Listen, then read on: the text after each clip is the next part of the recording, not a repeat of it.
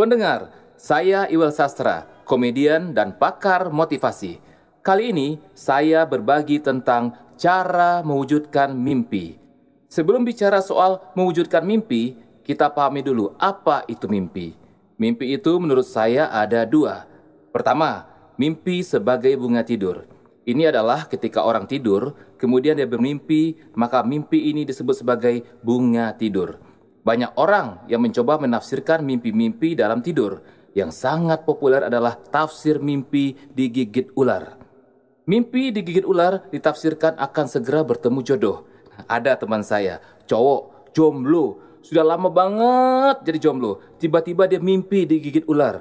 Temannya bilang, wah selamat bro. Itu kalau tafsir mimpinya, artinya kamu bakal ketemu jodoh. Nah, teman saya ini kaget dan malah ketakutan. Waduh, ketemu jodoh. Dia ketakutan, padahal dia jomblo. Setelah ditanya lebih lanjut, ternyata yang membuat dia takut adalah dia mimpi digigit ular jantan. Aduh, mana tahan ketemu jodoh. ular jantan gitu loh. Yang kedua adalah mimpi sebagai bunga kehidupan. Nah, ini yang akan kita bahas. Mimpi sebagai bunga kehidupan. Mimpi sebagai bunga kehidupan atau bahasa kerennya disebut dengan cita-cita atau tujuan yang ingin dicapai dalam hidup. Untuk bisa mewujudkan mimpi, maka yang diperlukan pertama adalah harus punya mimpi dulu. Kalau tak punya mimpi, apa yang mau diwujudkan? Akhirnya, mimpi aja kali ye. Kita harus punya mimpi. Tuliskan mimpi kita. Mimpi itu sebaiknya setinggi-tingginya. Jangan takut-takut. Masa bermimpi aja takut. Saya setuju dengan kata-kata menyebutkan gantunglah cita-cita setinggi bintang di langit. Wah, ini keren banget. Minimal kalau meleset, nggak nyangkut di langit, tapi bisa nyangkut di langit-langit. Masih tinggi juga kan? Mimpi itu tidak harus satu, mimpi itu bisa banyak. Tuliskan semua mimpi. Misalnya, kita tulis satu, dalam pekerjaan saya ingin menjadi CEO terkenal atau saya ingin jadi pengusaha terkenal, saya ingin menjadi penyanyi terkenal, saya ingin menjadi pelawak terkenal, saya ingin jadi suami terkenal. Loh, bisa aja jadi suami terkenal kalau nikahnya sama artis terkenal. Nah, tadi kan saya bilang mimpi itu boleh lebih dari satu. Tadi kan baru satu. Nah, yang kedua, tulis apa yang Anda inginkan. Saya ingin keliling 100 negara. Boleh. Mimpi itu jangan tanggung. Ketiga, tulis saya ingin punya mobil yang sangat bagus. Jangan takut, tuliskan merek dan jenis mobilnya sekalian. Kalau perlu harganya. Kalau belum tahu datang ke showroom, tanya harganya berapa. Saking takutnya mimpi, ada yang nggak berani tulis ingin mobil yang sangat bagus. Malah tulis mimpinya ingin sepeda roda tiga. Jadi, tulis aja semuanya.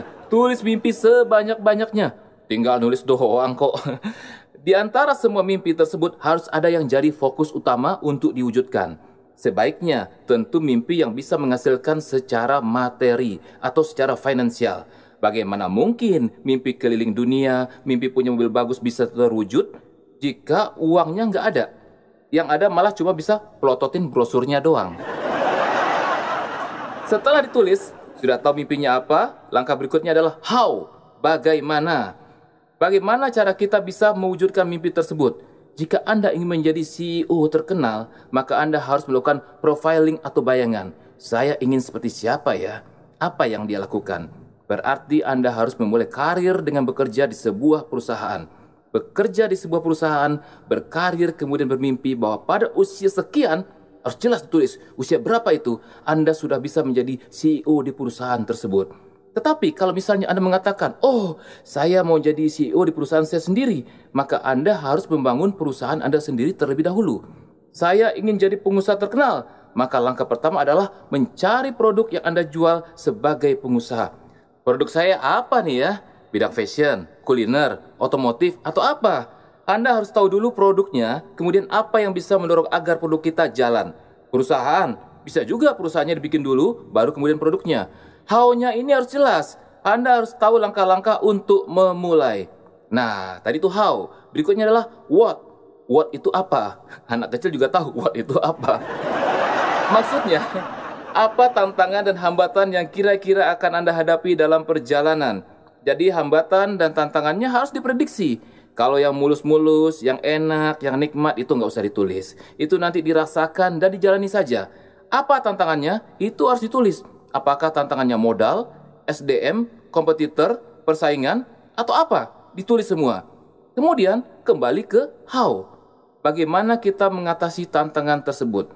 Apakah dengan ikut seminar, ikut training, ikut pelatihan, beli buku dan sebagainya? How dan what ini menjadi kunci kita dalam mewujudkan mimpi kita. Ketika kita mewujudkan mimpi, pasti kita menemui kegagalan. Nah, kenapa saya bilang pasti? Karena memang banyak orang dalam mewujudkan mimpi itu menemui kegagalan. Nah, jika Anda menemui kegagalan, maka jangan langsung frustasi. Kita pakai kata kunci why. Kenapa saya gagal? Ini disebut dengan proses evaluasi diri. Why? Kenapa saya gagal? Setelah tahu penyebab gagalnya, kembali ke what. Apa yang harus saya lakukan? Berarti kemarin strateginya nggak bagus. Jangan pakai lagi strategi yang sama. Hanya orang bodoh yang menjalani strategi yang sama setelah mengalami kegagalan. Fokus jalani. How, what, how, what. Kalau mentok, why? Kenapa gagal? Evaluasi. Kemudian solusi.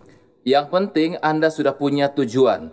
Nanti pasti Anda akan menemukan jalannya. Ingat, anda boleh cek, Anda boleh baca kisah orang-orang yang sukses.